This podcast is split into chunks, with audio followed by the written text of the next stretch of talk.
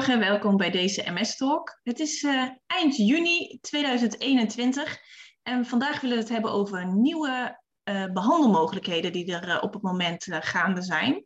Dus het is goed om daar weer eens even wat aandacht aan te besteden. Inmiddels is deze MS Talk ook als podcast te luisteren, dus ik wil zowel onze kijkers als onze luisteraars welkom heten. We zijn weer met z'n tweeën een keer, Gerald Hengstman, neuroloog, en ik, Nanda Velderhof, ervaringsdeskundige. Gerald, jij weet als geen ander uh, wat er allemaal gaande is op het gebied van medicatie en MS. Kun je ons vertellen over de nieuwste ontwikkelingen? Um, ja, um, zoals de afgelopen jaren natuurlijk wel vaker het geval is geweest, zie je dat ontwikkelingen steeds sneller gaan.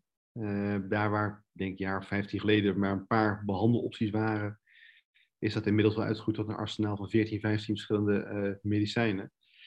Ja, en daar komen er weer een paar bij.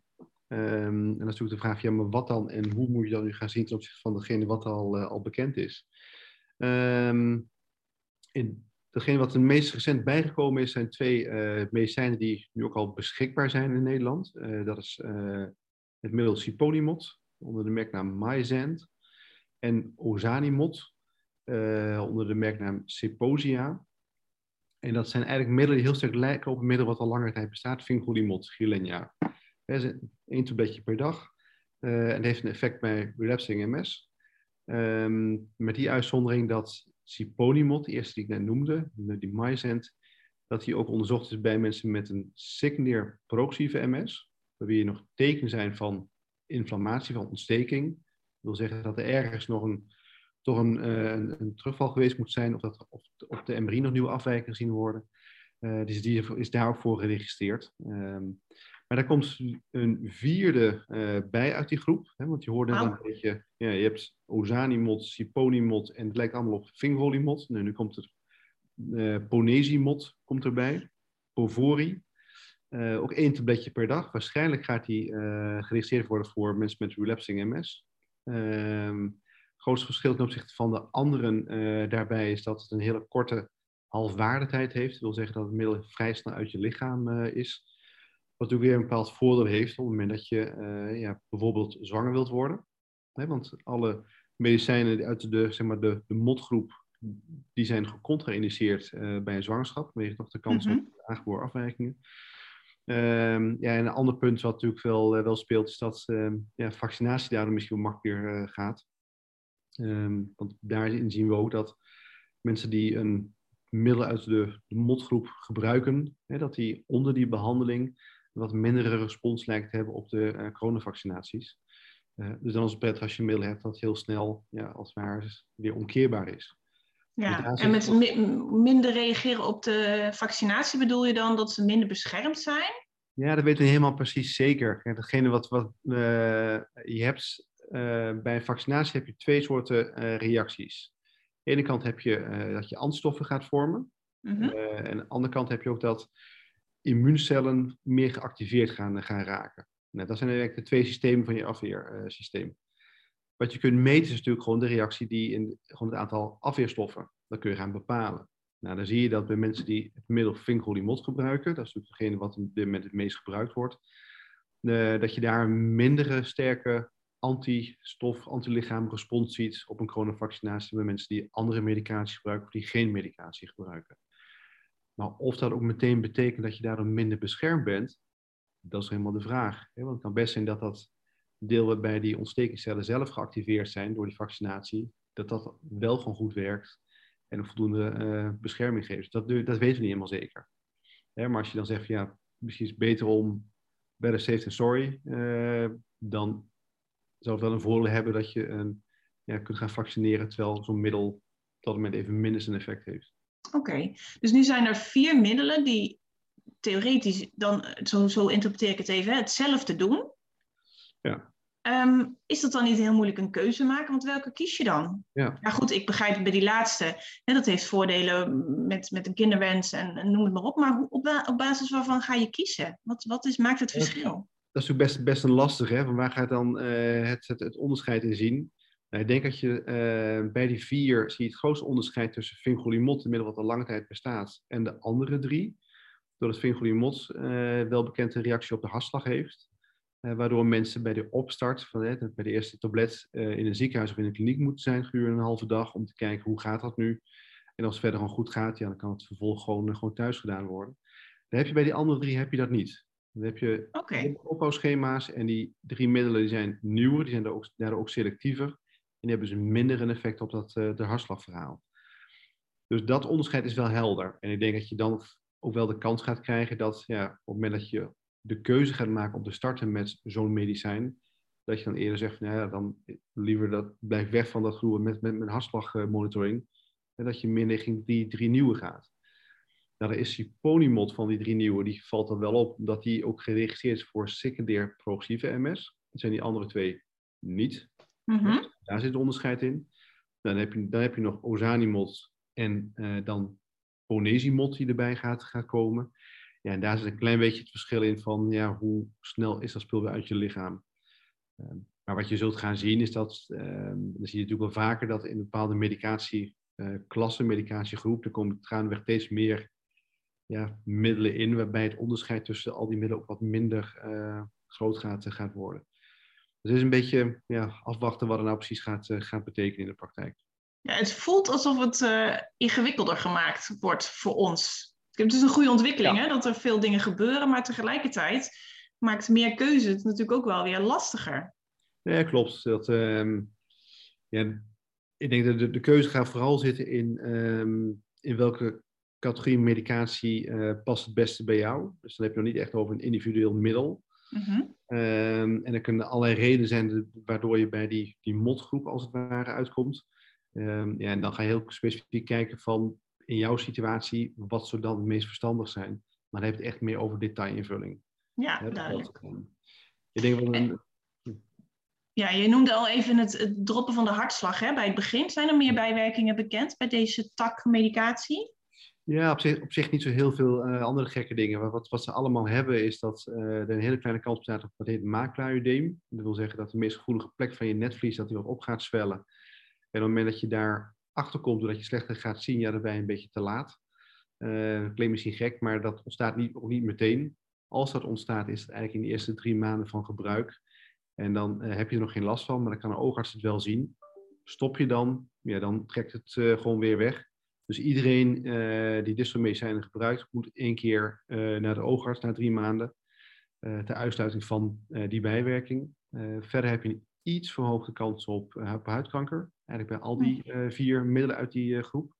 En heb ik de, het gaat met name echt over de zonschade gerelateerde huidkanker. Oké. Okay.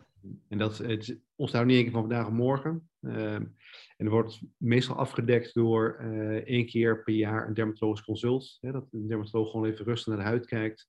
Zie je dan verdachte plekken er bij op tijd gewoon bij? Zie je niet? Nou, dan is het verder gewoon, uh, gewoon goed zoals het is. Ehm, dus in de, in de praktijk zie je eigenlijk niet zo heel veel spannende bijwerkingen van, eh, van deze nee. Nou, mensen worden sowieso goed gemonitord, begrijp ik. Die worden goed in de gaten houden verder. Het gekke is, ik heb zelf een jaar Gilenia, de Vigolimod, gebruikt. En jij begon over de oogarts. En toen dacht ik eens, oh ja, ik ben toen in die tijd naar de oogarts geweest. Ik was het alweer vergeten. Ja. Maar inderdaad, ja, dat klopt, dat hoorde erbij. Ja, dat, uh... En zijn er, nog, zijn er nog meer nieuwe ontwikkelingen te melden? Ja, ik denk uh, een, een interessante ontwikkeling is uh, een middel wat waarschijnlijk in het derde kwartaal van dit jaar beschikbaar gaat komen. En dat heet, heet Ofatumumab. Nou, weer een hele mond Weer een nieuwe map. Simta uh, uh, als merknaam. En het, het aardige daarvan is, het is een B-cel depletietherapie. Um, en dat wil zeggen dat je hebt in het afweersysteem heb je verschillende ontstekingscellen. Nou, bij MS gaat het vooral over lymfocyten. Dat zijn de, de qua-jongens, zullen we zeggen. En heb je weer twee types van, de B- en de T-cellen. Um, en dan heb je een aantal medicijnen die heel specifiek alleen maar op die B-cellen uh, aangrijpen. En daar is op dit moment er eentje van geregistreerd in Nederland voor de behandeling van MS. Dat is ocrelizumab, Ocrevus. Uh, dat hebben we nu sinds een paar jaar. Uh, en dat is een infuusbehandeling één keer per zes maanden. Hè, dat wordt in een kliniek uh, wordt dat gegeven, omdat je er toch een beetje op kunt gaan, gaan reageren. Daarnaast is het natuurlijk gewoon een infuusbehandeling. Nou, ofatumumab is ook een B-cel depletietherapie. dus het heeft dezelfde soort aangrijping als ocrelizumab. Alleen met het grote verschil dat het een onderhuidsinjectie is die mensen zelf kunnen gaan zetten. Kijk aan. Eén keer in de vier weken. Dus mm -hmm. één keer in de vier weken dat je een, onder, dat je een injectie moet, uh, moet plaatsen. Hè, vaak met zo'n met zo'n auto-injector, zoals je dat voorheen had bij bijvoorbeeld Interferon. Ehm, en je hoeft dus niet meer naar een ziekenhuis of naar een kliniek toe. dus je afhankelijkheid wordt, wordt minder groot. dus dat is het, het voordeel. Een ander voordeel is omdat je het één keer in de vier weken moet gaan, geven, is dat het dus minder lang doorwerkt. want ocrelizumab, wat ik al zei, dat is een middel wat ja, standaard één keer in de zes maanden per infuus gegeven wordt.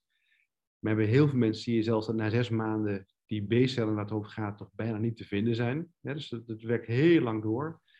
Terwijl je die B-cellen natuurlijk wel ergens voor nodig hebt. En, niet zozeer dat mensen nu heel gevoelig gaan worden voor infecties, dat soort dingen, dat valt allemaal wel mee. Maar die B-cellen die heb je juist nodig voor, net al even kort bespraken, het vormen van antilichamen. Mm -hmm. En dan vaccinatie weer tevoorschijn. Aha. En, en, dat zien we ook uit onderzoek. Hè? Mensen die op dit moment met ocrelizumab behandeld worden en een coronavaccinatie ondergaan, dan zie je een veel minder sterke antilichaamrespons ontstaan dan mensen die andere medicatie gebruiken of die geen medicatie gebruiken. Nogmaals, we weten niet helemaal zeker of dat ook iets zegt over de bescherming, maar het is wel ja, iets waar je uh, op, ja, alert op bent. Ja, en bij een middel wat je één keer in de vier weken moet toedienen, ja, dat voel je natuurlijk al aan, dan is dat effect op die B-cel is veel minder lang. Ja, dus ook in het kader van bijvoorbeeld een zwangerschap kan ik me voorstellen dat dit middel de voorkeur verdient. Omdat je hier makkelijker, sneller weer. Ja, dus valt veel, veel te zeggen over dit soort middelen en zwangerschap. Ehm, heel formeel is het zo dat je uh, heel lange tijd niet zwanger mag worden tot het laatste infuus. Terwijl we eigenlijk wel geneeskundig weten dat dat eigenlijk niet helemaal klopt. Want het middel is toch relatief snel uit je lichaam. Mm en daarnaast heb je in het begin van de zwangerschap heb je nog geen uitwisseling tussen het moederbloed en het bloed van het kind. Dus dat, uh, de zwangerschap is niet, vaak niet zozeer het grote probleem bij dit soort okay. uh, middelen. Maar met name dat vaccinatiepunt. en dat was natuurlijk tot, tot voor vorig jaar was vaccinatie in volwassenen eigenlijk geen groot onderwerp. Nee. Nu is het nu een heel ander verhaal. Hè? Want we weten allemaal niet wat er nu gaat, uh, gaat gebeuren. Of je nu bij gewoon één keer vaccineren blijft. Of dat het een jaar terugkeer een circus gaat worden. Maar dat is dus wel ja, toch wel een behoorlijke uh, verandering die, uh, die ontstaat. Omdat je uh, gericht wel echt een B-cel therapie kunt, kunt doen. Ja, er zijn bepaalde redenen voor om daarvoor te kiezen. Um, waarbij je dan echt een alternatief hebt ten opzichte van ja, ocrelizumab. Ja. Dus, dus onderhuids één keer in de vier weken gewoon thuis. Ja, dat is op zich wel een vooruitgang. Ja, dus dat is een. Um, en het derde wat op korte termijn gaat, gaat veranderen. En je merkt er zijn denk ik heel veel dingen die tegelijkertijd plaatsvinden is dat een middel wat we al lange tijd kennen, natalizumab, Tisabri. Wordt als infuus gegeven één keer in de vier of soms één keer in de zes weken. Of weer in een ziekenhuis of in een kliniek. Uh, komt nu beschikbaar ook in een vorm waarbij het onderhuids injecteert. Kijk aan. Ja. Ehm, het is in feite hetzelfde middel, hè, met dezelfde effectiviteit. Er zit dezelfde uh, potentiële risico aan vast wat PML betreft. Het grote gevaar altijd bij, bij Tisabri. Alleen de toediening is anders. Ehm, het moet nog wel uh, in een kliniek gegeven worden, maar mm -hmm. een, gedurende twee uur in de kliniek aanwezig te zijn. Dus mensen komen dan binnen, ze krijgen twee um, injecties met een interval van 10 minuten. En in principe daarna kun je naar huis. Oké, okay. Een stuk minder belastend. Ja, dus de tijdsbelasting wordt minder. Hè. Nogmaals, je moet wel uh, dat geven nog steeds gewoon in de setting uh, zoals dat nu gedaan wordt. Hè. Dus in de ziekenhuis bij de kliniek. Er gaat wel gekeken worden van kun je dat op een verantwoorde manier ook in de thuissituatie gaan, eh, gaan doen. Maar dan zal dan waarschijnlijk gewoon gaan lopen via gespecialiseerde verpleegkundigen die dat dan, dan komen doen.